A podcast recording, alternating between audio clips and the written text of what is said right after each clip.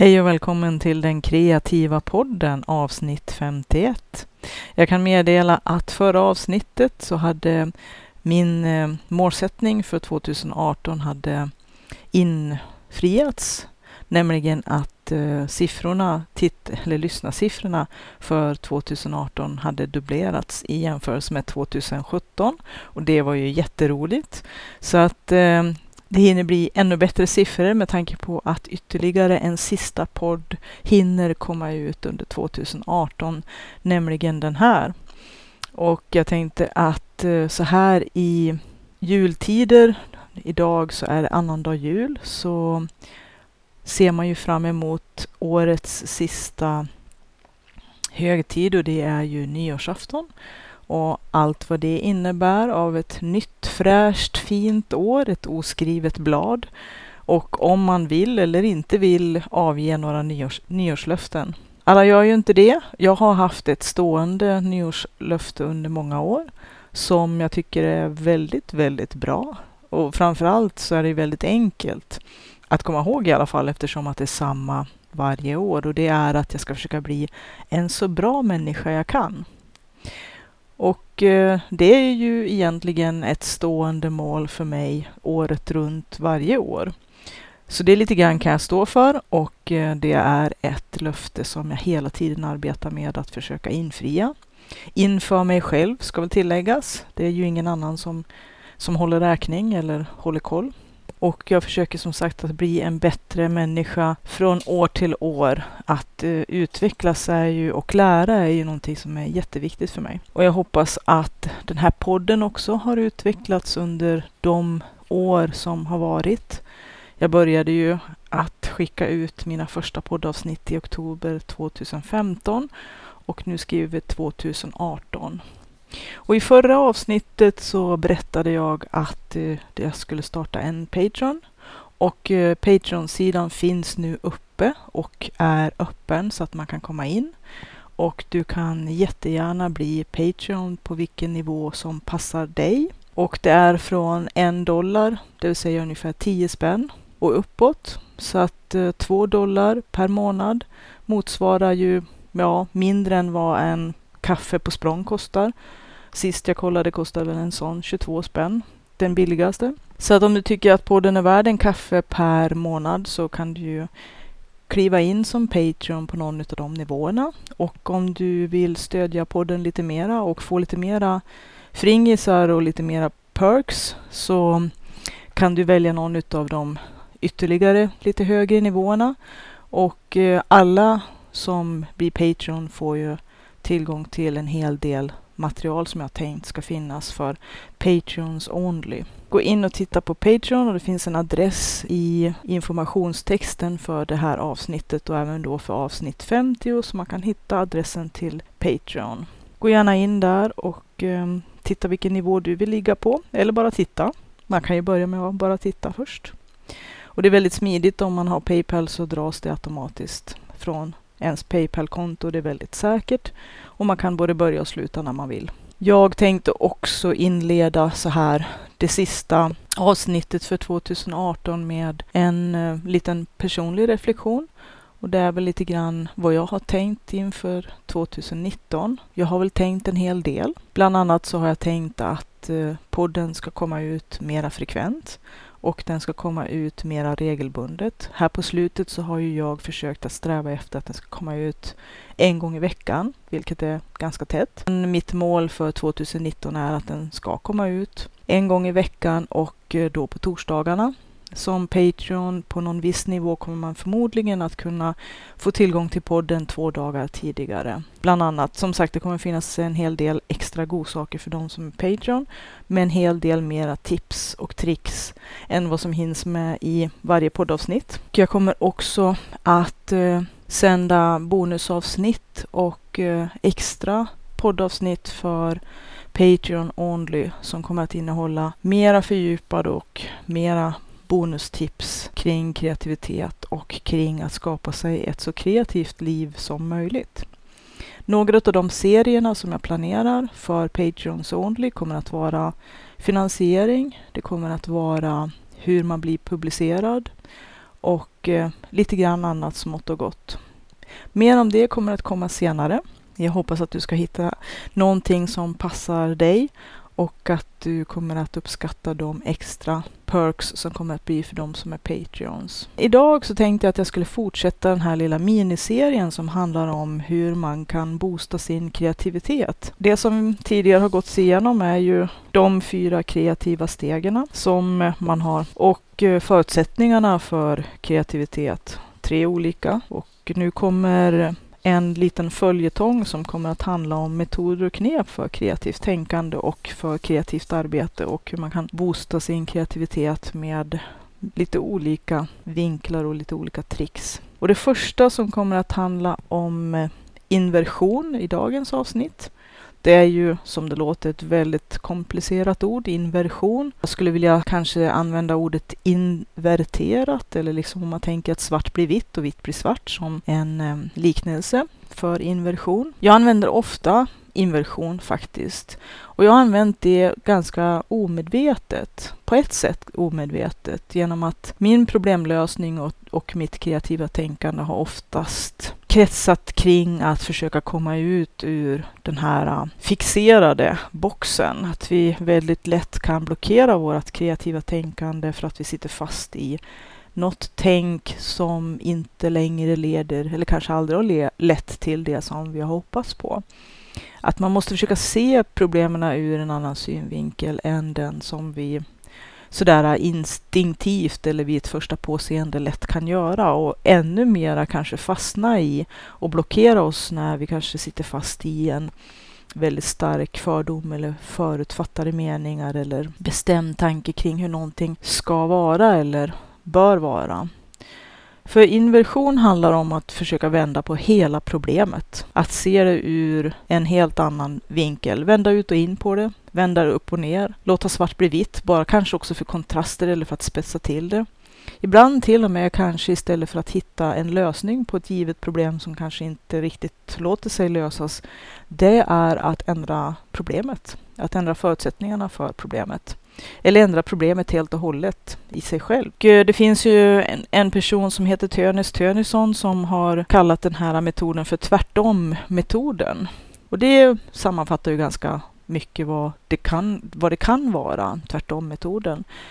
Att man gör allting precis tvärtom eller tänker precis tvärtom mot för vad man kanske först och instinktivt vill göra eller gör utav gammal vana. Och det kan ju vara att helt enkelt hitta lösningar utanför boxen som sagt, att tänka utanför sina vanliga cirklar eller sina, kanske till och med rent av sina bekvämlighetscirklar. Hur jag har använt det personligen är att, eh, som jag har pratat en hel del om i lite olika avsnitt, det här med att hacka runt sin egen hjärna.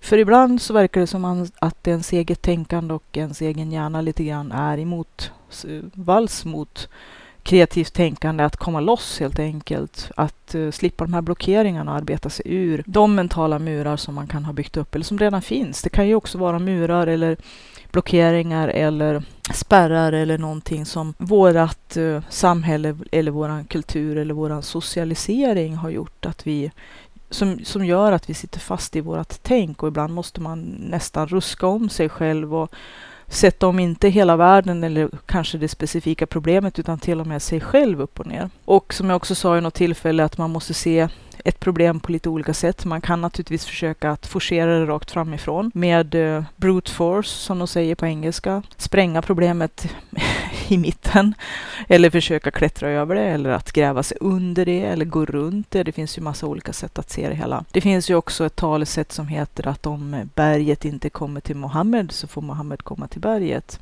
Och att eh, alltihopa det här, det liksom bygger lite grann på det här tvärt tänkandet Inversion helt enkelt.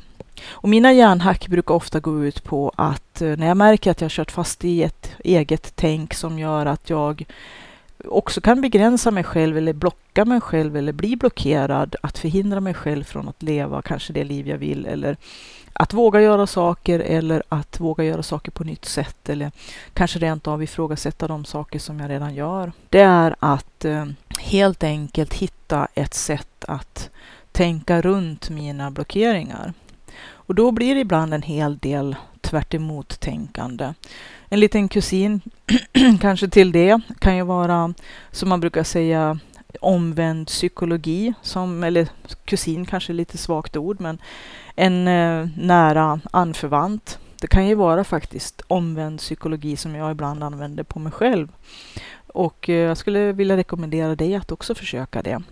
Det är lite svårt att komma med konkreta exempel så här på rak arm, men jag kan ju i alla fall berätta om ett ganska radikalt sätt att eh, tänka tvärtom och att mecka runt. Nu i det här fallet inte min egen hjärna utan en person som jag hjälpte. I det här fallet så var det faktiskt min eh, mamma som eh, kände sig ansatt, hårt ansatt på jobbet eftersom att hon visste att hennes eh, arbetsledare som, ja, vi kan väl säga så här att de hade inte riktigt samma åsikter och att min mamma ibland var kritisk mot hur saker och ting löstes eller inte löstes. Jag ska inte gå in på några detaljer om det. Huvudsaken i det hela är att hon kände att den här arbetsledaren på lite olika sätt ville försöka både forcera och manipulera henne för att visa dels att hon var en, en besvärlig och, och, och, och, kanske lite obekväm person som var den enda som vågade öppna munnen på möten och, och peka på saker som var fel och som var underlåtenhet ifrån organisationen vad det gällde de som de arbetade gentemot. Att det var saker som hon tyckte sköttes på ett sätt som var inte det allra bästa alla gånger. Ingen annan vågade säga någonting och eh, i det här fallet så kan man väl säga att det fanns ganska starka skäl eftersom att den här, här arbetsledaren inte drog sig för att på olika sätt försöka klämma åt dem som var obekväma och inte tyckte som hon tyckte. Och i det här fallet så jobbade min mamma deltid 75 procent tror jag. Och eh, hon kände att den här arbetsledaren nu skulle tvinga henne eller forcera henne för att kanske också utmanövrera henne från arbetsplatsen. Tvinga henne att jobba 100 procent och att även ändra skiftsgång eh, och så, så att hon skulle tvingas gå helt andra arbetstider än vad som var avtalat från början och sådär. Och min mamma var ganska be, besviken naturligtvis, eller upprörd och uh, kände sig hårt trängd och var väldigt stressad. Och eftersom att hon var en ganska resolut kvinna så hade hon väl nästan bestämt sig för att säga upp sig. Och då så sa jag kallt att då har ju arbetsledaren precis fått som hon ville och vunnit. Hon har ju blivit av med dig och du har ju egentligen gett henne precis det hon vill ha. Så jag gav henne förslaget att hon skulle göra precis tvärtom. Och min mamma blev först inte speciellt glad, för jag föreslog att hon helt enkelt resolut på måndag morgon innan hennes arbetsledare skulle kunna komma med några krav eller tränga henne eller visa med hela handen att nu skulle hon minsann göra si eller göra så, så skulle hon helt enkelt kräva att hon skulle få jobba 100 procent och på de här tiderna som hon visste att hennes arbetsledare skulle försöka forcera och tvinga henne till. Och min mamma som sagt, hon var inte skitlycklig över mitt förslag. Men eh, hon, och hon blev faktiskt också ganska arg. Men efter ett eh, tags funderande så gjorde hon exakt så. Och vinsten med det var att genom att göra precis tvärtom så tog hon bort det starkaste vapnet som hennes arbetsledare hade. Och hon kunde inte bli trängd in i en situation där det blev lite grann att eh, vinna eller försvinna. Som kanske också var arbetsledarens avsikt att tränga henne i ett läge där hon skulle bli tvungen att eh, att säga upp sig. Och det var ju ett väldigt lyckat drag.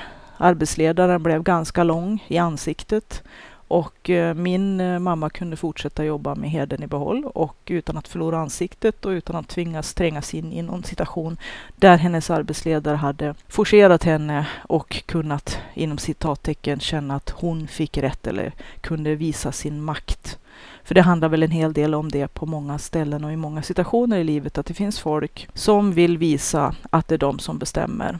Och lite grann faktiskt, den här tekniken eh, har jag lånat från japansk kampsport. Och den går ut på att istället för att uh, göra en frontal attack mot fienden och kasta sig mot dem och strida allt vad man orkar med näbbar och klor, så ska man ta ett steg åt sidan och låta dem själva med sin egen kraft göra sig själva illa istället i så fall. Och att om de kommer forsande med full fart som en vildsint eh, noshörning så tar man bara ett, steg, ett litet steg åt sidan och följer dem i deras rörelse och använder deras egen kraft emot dem. Här blev det lite österländsk eh, filosofi också.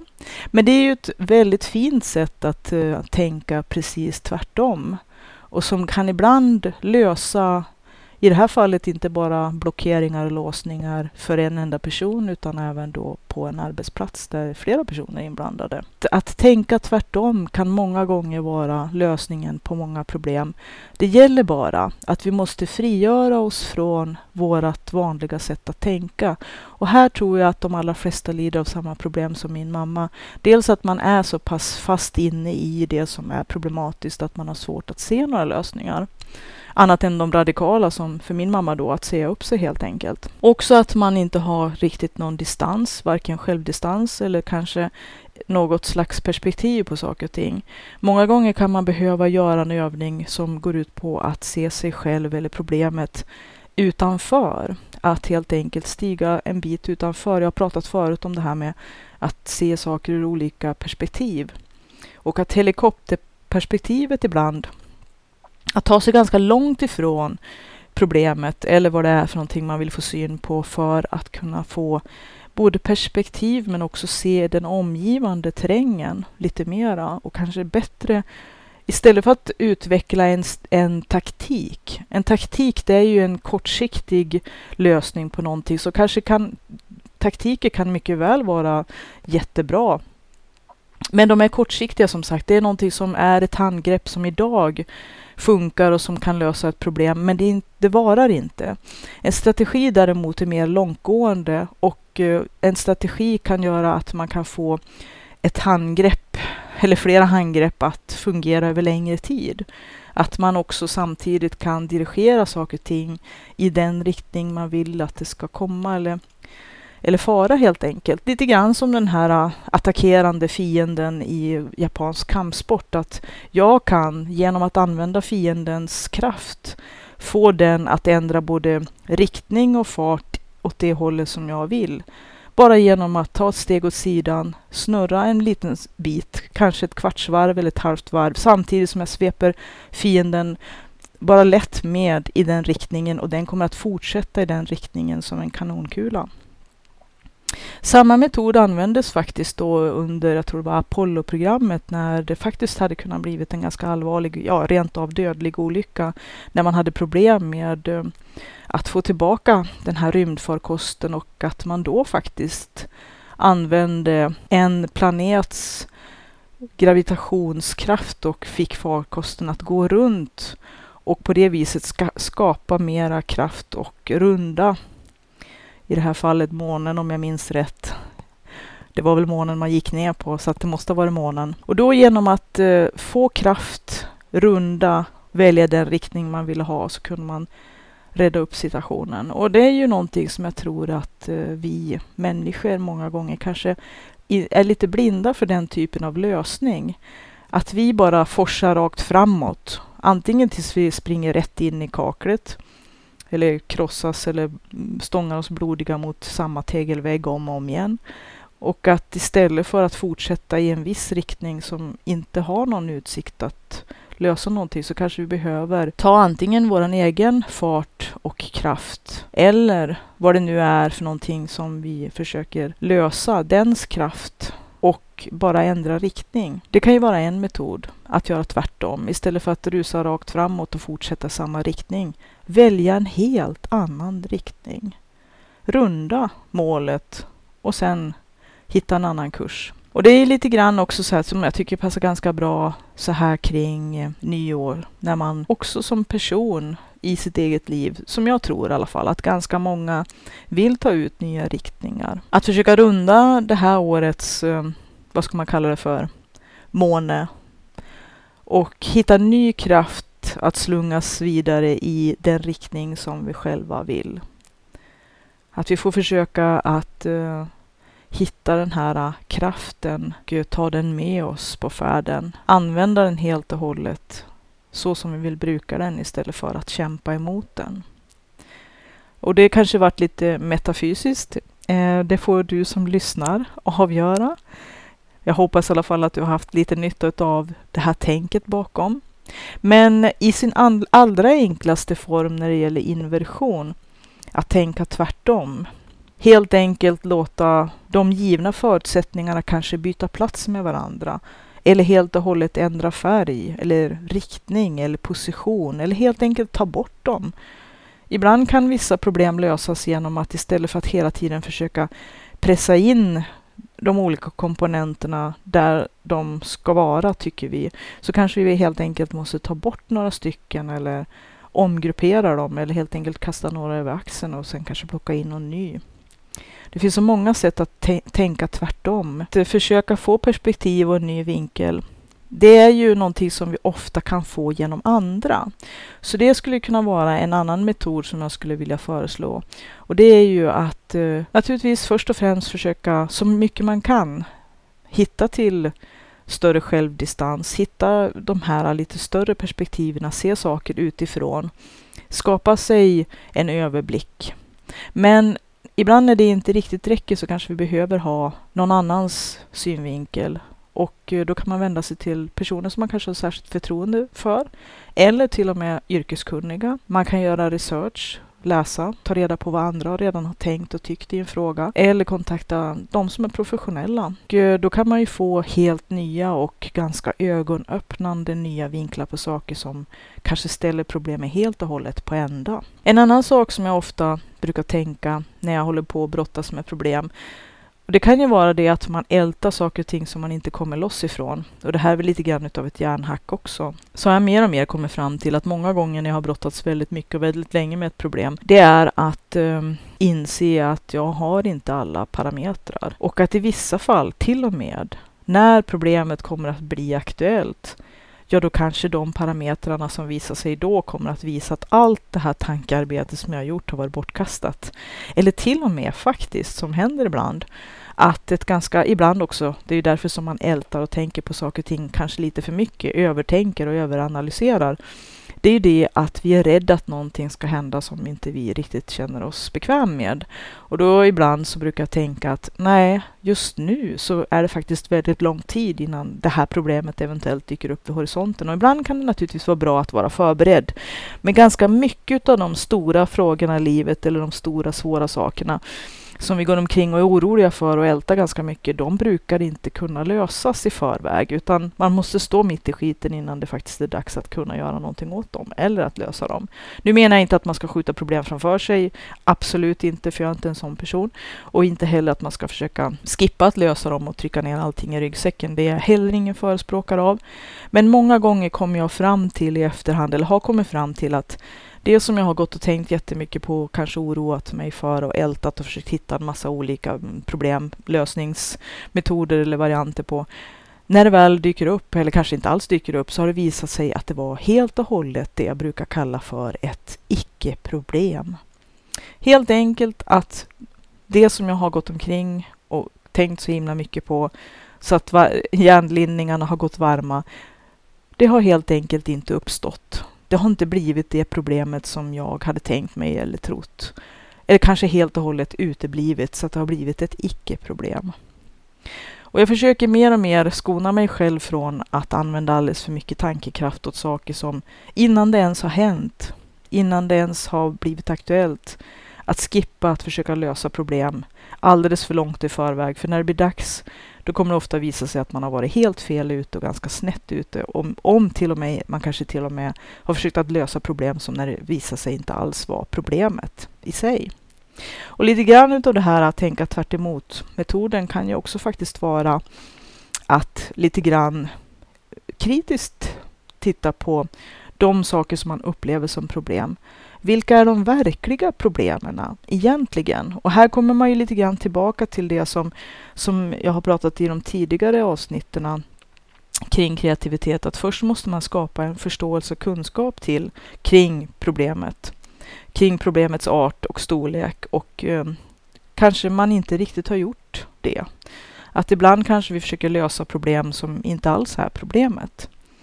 Och när man har en hel, kanske ett stort komplext problem eller en hel massa problem som hänger ihop på något vis kan det vara väldigt, väldigt viktigt att bena ut dem. Att eh, på riktigt se och eh, särskilja vad som är de verkliga sakerna som vi försöker åstadkomma och lösa. Att eh, Lära känna sig själv är ju en bra sak i ens eget liv. Men att också lära känna de problem som vi vill lösa eller de kreativa lösningar vi vill hitta på saker och ting. Allt är ju inte problem utan det kan ju också handla om vidareutveckling, produktutveckling, kreativt skapande. När man skriver böcker eller när man gör en massa andra saker där man måste tänka kreativt, då kan det ju vara det att man måste först och främst fråga sig själv, vad vill jag åstadkomma? Vad är egentligen målet med det här? Att redan faktiskt innan, om vi nu ska tänka oss en metaforisk fiende som kommer rusande mot oss på kampsportmattan, vi får tänka oss en riktigt grym samuraj som kommer vrålande mot oss. Så måste vi kanske planera lite grann. Vi har några sekunder på oss att tänka i vilken riktning vill jag ha honom eller henne för att eh, kunna göra den manövern och få det manöverutrymme som jag vill ha. Eller helt enkelt lösa det här problemet. Att man i förväg vet vad vill jag i den här situationen? Vad vill jag åstadkomma för någonting? Och att använda den kraften på ett konstruktivt sätt det kanske inte är en riktigt hållbar metafor egentligen, men i alla fall att genom att uh, lite grann dels känna sin fiende, om man nu ska prata om fiende låter ju väldigt negativt, eller känna sitt, sitt problem, eller snarare då i en, kanske i en kreativ miljö där man vill skapa någonting, åstadkomma någonting, räkna ut. Vad vill jag egentligen att det här ska leda till? Vad ska det åstadkomma? Vad har jag för mål? Hur ser jag det här framför mig? Att se en vision kring vad det som man har tänkt lösa ska, ska kunna ge eller åstadkomma. Som till exempel vid produktutveckling. Att eh, många gånger där också så kan vi ju låsa fast oss i våra egna föreställningar. Jag pratar ju väldigt generellt nu eftersom att den som lyssnar, vi som håller på med kreativt arbete, alla vi är ju väldigt olika och sysslar med väldigt olika typer av verksamheter. Men att ibland kanske vi som den som är den kreativa motorn i någonting. Eller den som ska skapa någonting eller kanske ska lösa ett problem eller skapa en lösning för andra. Eller skapa en produkt. Att vi kanske ibland är så fastlåsta i vårt eget tänkande och att vi med alla våra goda intentioner att servera den perfekta lösningen för någon eller för några stycken eller för vårt företag eller för våra kunder eller för den som ska köpa eller vill ha vårt arbete eller som vi vill tillägna vårt arbete. Att vi kanske, som sagt, av alla de bästa och godaste själen i världen vill åstadkomma det allra bästa utav den kreativa kraft vi har. Men att vi kanske glömmer bort att lite närmare titta på vad är det vi egentligen vill åstadkomma och vad ska det egentligen göra för oss eller för den som det är tänkt att tillägnas.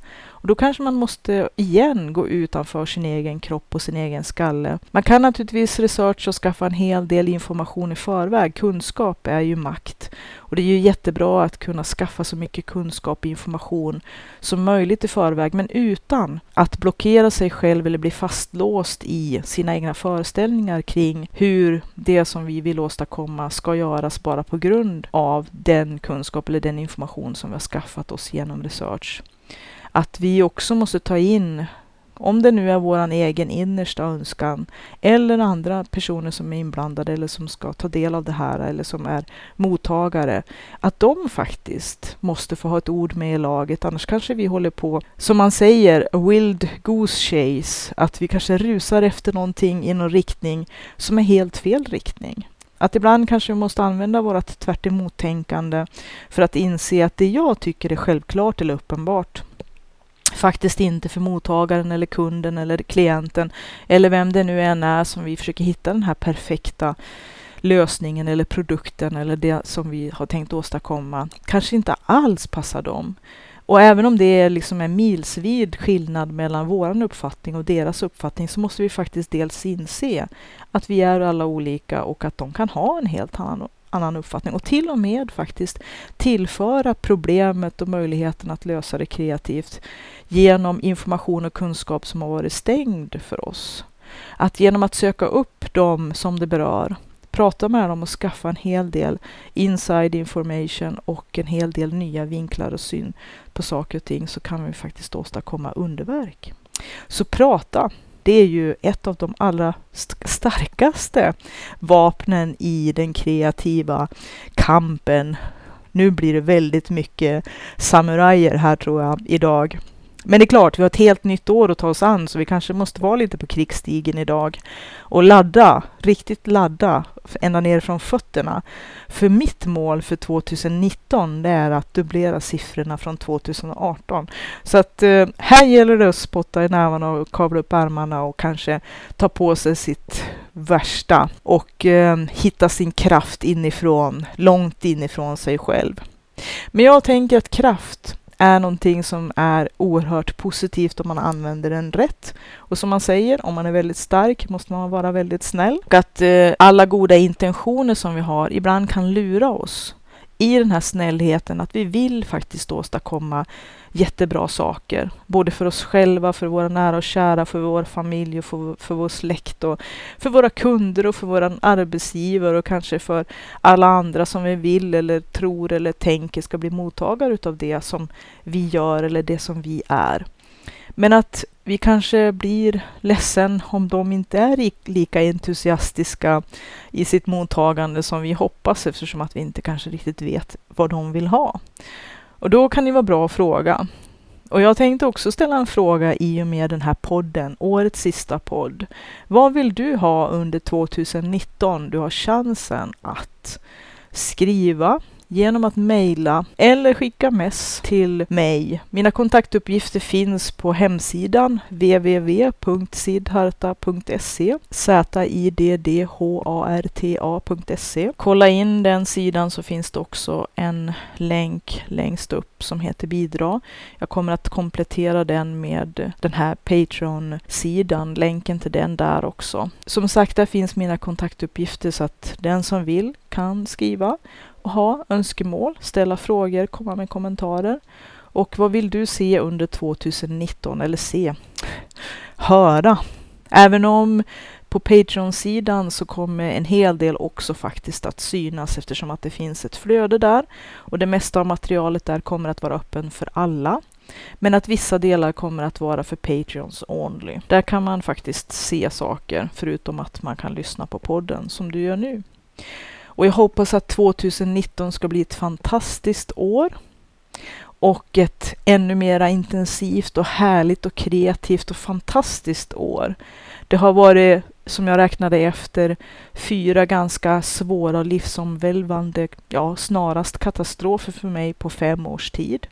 Och nu är det väl kanske dags att eh, vända den här skutan och använda all den kraften som har frigjorts i och med det och ta ut en ny kurs, en ny riktning och ännu mera bli det som jag vill bli. Och jag hoppas att du under 2019 ska ta ut din kurs och bli det som du behöver och vill bli.